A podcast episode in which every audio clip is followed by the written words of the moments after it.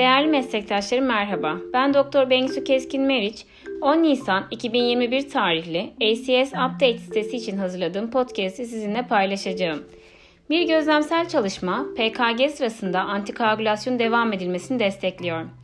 ABD ve Avrupa kılavuzları arasındaki uyumsuzluk göz önüne alındığında kayıt verilerine değer verilmektedir. Ancak bunların uygulamayı değiştirip değiştirmediği ise belirsizdir. Yeni bir gözlemsel çalışmada planlı olmayan PKG ile yapılan hastalarda oral antikoagülasyon altında işlem yapılmasının direkt oral antikoagülan veya vitamin K antagonistini bir ya da iki gün kesintiye uğratma stratejisiyle karşılaştırıldığında daha yüksek iskemik komplikasyon veya kanama riskiyle ilişkili olmadığı saptanmıştır. JAK Cardiovascular Interventions dergisinin 12 Nisan 2021 sayısında yayınlanan Büyük Sweetheart kayıtlarından yararlanan çalışma, atrial fibrilasyon, venöz tromboembolizm ve mekanik kalp kapağı olan planlanmamış veya acil, PK, acil olmayan PKG yapılan hastalarda Avrupa Kardiyoloji Derneği'nin kesintisiz oral antikoagülasyon ile ilgili güncel önerini desteklemektedir. Baş araştırmacı Dimitros Venestanos ve meslektaşları, kuşkusuz kesintisiz OAK daha basit bir stratejidir ve önceki çalışmalarla uyumlu olarak daha kısa hastane kalış süreleriyle ilişkilendirilmiştir diye belirttiler. Bu nedenle kesintisiz oral antikoagülasyonun daha önce oral antikoagülasyon ile tedavi edilen hastalarda diğer kardiyovasküler müdahale yapılanlara göre daha uygun bir maliyetli strateji olduğu varsayılabilir. Acil olmayan PKG uygulanan oral antikoagülasyon altındaki hastaların işlemsel yönetimi tartışmasız değildir. Günümüzde Avrupa ve Kuzey Amerika kılavuzları arasında bir anlaşmazlık vardır. 2020 ESC kılavuzu NANES'te akut koroner sendromlu hastalarda acil olmayan ve elektif PKG'ye ihtiyaç duyan vitamin K antagonistiyle tedavi edilen hastalarda kesintisiz stratejiyi önermektedir. Buna karşılık Amerikan Kardiyoloji Derneği'nin 2020 Fikir Birliği bildirisinde varfarin ile INR2'nin altına inene kadar veya bir direkt oral antikoagülasyon kullanılıyorsa 24 ile 48 saat kesintili strateji önerilmektedir. Kesintili yaklaşım PK, PKG uygulanan AF hastalarında antitrombotik tedavi için önerileri güncelleyen Kuzey Amerika uzmanlar tarafından da önerilmektedir. ACC Fikir Birliği bildirisinin başyazarı Draram Kumbani, mevcut çalışmanın planlanmamış PKG yapılan oral antikoagülasyon hastalarının tedaviye kesintisiz de devam edebileceğini ima ettiğini belirterek, optimal tedavi yaklaşımının biraz tartışmalı kaldığını kabul etti. İki yaklaşımın eşdeğer MACE ve kanama oranlarına rağmen Kumbani yorumunda temkinli. Gözlemsel bir çalışmanın verileri ne kadar güçlü olursa olsun nedensel sonuçların bana biraz mesafe verdiğini hissediyorum dedi. Çalışma ilginç ve yararlı olsa da uygulamayı herhangi bir şekilde değiştirecek ayrıntı düzeyine sahip olduğundan emin değilim diye ekledi. Bununla birlikte bu çalışma bugüne kadarki en büyük çalışmalardan biri ve uzun bir süre boyunca tedavi edilen hastaları içermektedir. Bu çalışma yalnızca varfarinin kullanıldığı bir zamanda yakalayıp aynı zamanda 2012'de doğa tanıtımını ve pratikte aratan kullanımlarını da içermektedir. Girişimsel kardiyolog Sanjit Jolie, merkezindeki rutin klinik uygulamaların oral antikoagülanların işlemden bir gün önce atlan, atlanması olduğunu söyledi. Ancak bu yaklaşımı destekleyecek çok az veri olduğunu da ekledi. Bir mailde ancak bu analiz güven vericidir olarak belirtti. Jolie'ye göre kalp pillerini oral antikoagülasyon altına yerleştirmenin güvenli olduğuna dair verilerimiz var ve bu nedenle bu randomize olmayan veri de benzerdir diye belirtti. Bir başyazıda Piera Campranzano ve Dominic Angelino yeni çalışmanın Avrupa yaklaşımını desteklediğini kabul ediyor ancak randomize kanıtların bu stratejinin rutin klinik uygulamada benimsenmeden önce gerekli olduğunu eklediler. Onlar için PKG geçiren hastalar arasında hem kesintili hem de kesintisiz stratejiler klinik uygulamada seçenekler olabilir. Ancak hangi yaklaşımın en iyi olduğunu, kanama ve trombotik riski profilleri ve prosedür endikasyonu gibi birden çok faktöre bağlıdır. Örneğin kesintisiz oral antikoagülasyon yüksek trombotik riski olanlarda, özellikle vitamin K antagonistleriyle tedavi edilenlerde veya antikoagülasyon durdurulmasının işlemi önemli ölçüde geciktireceği veya kalış süresini etkileyeceği Nanes'te akut koroner sendromlar için PKG durumunda düşünülebilir. Kumbani dediği gibi bu durumun arınma ya da tersine çevirme gibi çok fazla zaman gerektirmeyen doğaklarda daha az önemli olduğunu belirtiyorlar. Kesintisiz oral antikoagülasyonlar ile kanama artışı yok. 2005 ile 2017'yi kapsayan çalışma için araştırmacılar Sweetheart kayıt defterinde PKG veya koroner katalizasyon için hastaneye okut olarak yatırılan varfarin, dabigatran, Vuroxaban veya apixaban dahil tüm oral antikoagülasyonlarla tedavi edilen hastaları belirledi. İşlemde en az 24 saat önce oral antikoagülan tedavisi alan 3163 ve oral antikoagülan tedavisi kesilen 3322 hasta dahil olmak üzere kateterizasyon laboratuvarına giden toplam 6486 hasta dahil edildi.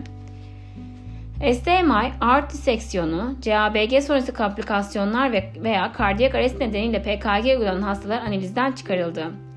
Oral antikoagülasyon reçetesi olan ve PKG veya koroner anjiyografi gerektiren tüm hasta sayısı çalışma boyun, süresi boyunca 3 kat arttı. Ayrıca doğal kullanımında olduğu gibi antitrombatik tedaviye kesintisiz yaklaşım da her yıl %13 oranında arttı. 2017'de hastaların %53'ü yeni oral antikoagülanlardan biriyle tedavi edildi. Başlangıçta kesintiye uğramış ve kesintisiz tedavi kollarındaki hastaların %80'inde akut koroner sendrom mevcuttu. Ancak kesintisiz oral antikoagülasyon hastalarından PKG uygulanma olasılığı daha düşükken radyal arter tercih edilip desimplant edilme olasılığı daha yüksekti. Her tedavi kolunda 2108 hastayı içeren propensity match analizinde 120 gündeki MACE oranı hem kesintisiz hem de kesintili oral antikoagülasyon gruplarında %8.2 idi. Düzeltme öncesi ve sonrası ölüm ve inme oranları tedavi yaklaşımları arasında farklılık göstermedi ve ayarlanmamış modelde kesintili oral antikoagülasyon ile MO oranı daha yüksek iken tam ayarlanmamış analizde anlamlı bir farklılık yoktu. Net advers kardiyak ve serebrovasküler olayların oranı kesintili oral antikoagülasyonda %12.6 ve kesintisiz oral antikoagülasyon tedavi kollarında %12.9'du. Bu ayarlama öncesi ve sonrası anlamlı olmayan bir farktır. Mayor kanama açısından oranlar kesintili ve kesintisiz oral antikoagülasyon gruplarında sırasıyla %5.6 ve %6 idi. Bu istatistik olarak anlamlı olmayan bir farktı. Benzer şekilde kesintisiz oral antikoagülasyon kesintisiz oral antikonversiyon daha fazla hastanede mayor kanama veya mayor minor kanam olmayan kanama riskiyle ilişkili değildi. Kesintili oral antikoagülasyon yaklaşımı ile hastanede kalış süreleri önemli ölçüde daha uzundu. Kaprazdan ve Angelina baş yazılarında vitamin K antagonistleriyle tedavi edilenler arasında INR değerlerinin olmaması, kesintili oral antikoagülasyon grubundaki son doğal dozunun zamanlaması ve PKG arasında sırasında kullanılan parenteral antikoagülasyon tedavisi hakkında bilgi eksikliği dahil olmak üzere gözlemsel analizin bazı sınırlarına dikkat çekti. Ek olarak hastaların %34.6'sı femör erişimle tedavi edilirken araştırmacılar kesintisiz ile kesintili oral antikoagülasyon ve erişim bölgesi arasında bir etkileşim olup olmadığını bildirmedi.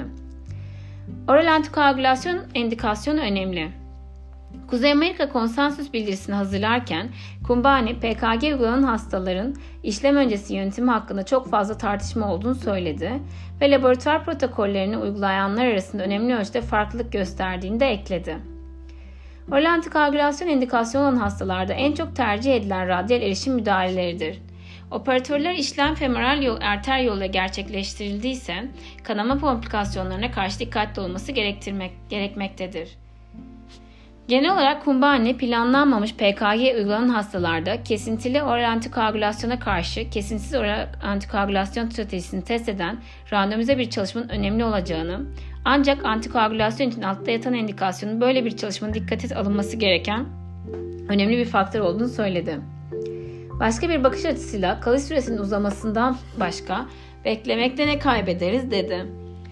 Kumbane, potansiyel olarak antikoagülanları durdurarak sistemik emboli riskini arttırıyorsunuz. Ancak bu muhtemelen sadece atrial fibrilasyonu olan çok az ıı, sayıda hasta için geçerli olacaktır. Bu nedenle oral antikoagülasyon altına yatan indikasyon çok önemlidir. Birden fazla felç geçirmiş ve sor atrial apendikste trombüs varlığı bilinen hasta, Chadwas skoru 2 veya 3 olan inme profilaksinin oral antikoagülasyon alan atrial fibrilasyonlu hastaların büyük çoğunluğundan çok farklıdır. Antikoagülasyonu 2 veya 3 gün bıraksanız bile sistemik tromboembolik hastalık riskini önemli ölçüde arttıracağınızı sanmıyorum. Öte yandan mekanik kapağı olan veya tromboembolik riski yüksek olan bir hasta için oral antikoagülan tedavi bırakma riskinin muhtemelen çok yüksek olduğunu söyledi. Mevcut metaanalizde araştırmacılar o ara verilen hastalar arasında daha yüksek bir inme riski görmediler.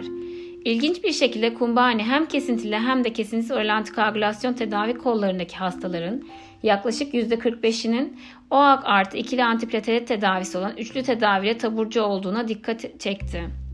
İkili ve üçlü antitrombotik tedavi karşılaştıran çalışmaların yakın zamanda yayınlanması göz önüne alındığında, üçlü tedavi ile taburcu edilen hastaların yüksek yüzdesinin muhtemelen mevcut tıbbi uygulamayı yansıtmadığını söyledi. Kumbani dolayısıyla veriler çağdaş olsa da özellikle tüm AFPKG çalışmaları göz önüne alındığında onun çağdaşlığını azaltan birçok yönü olduğunu düşünüyorum diye ekledi. Beni dinlediğiniz için teşekkür ederim.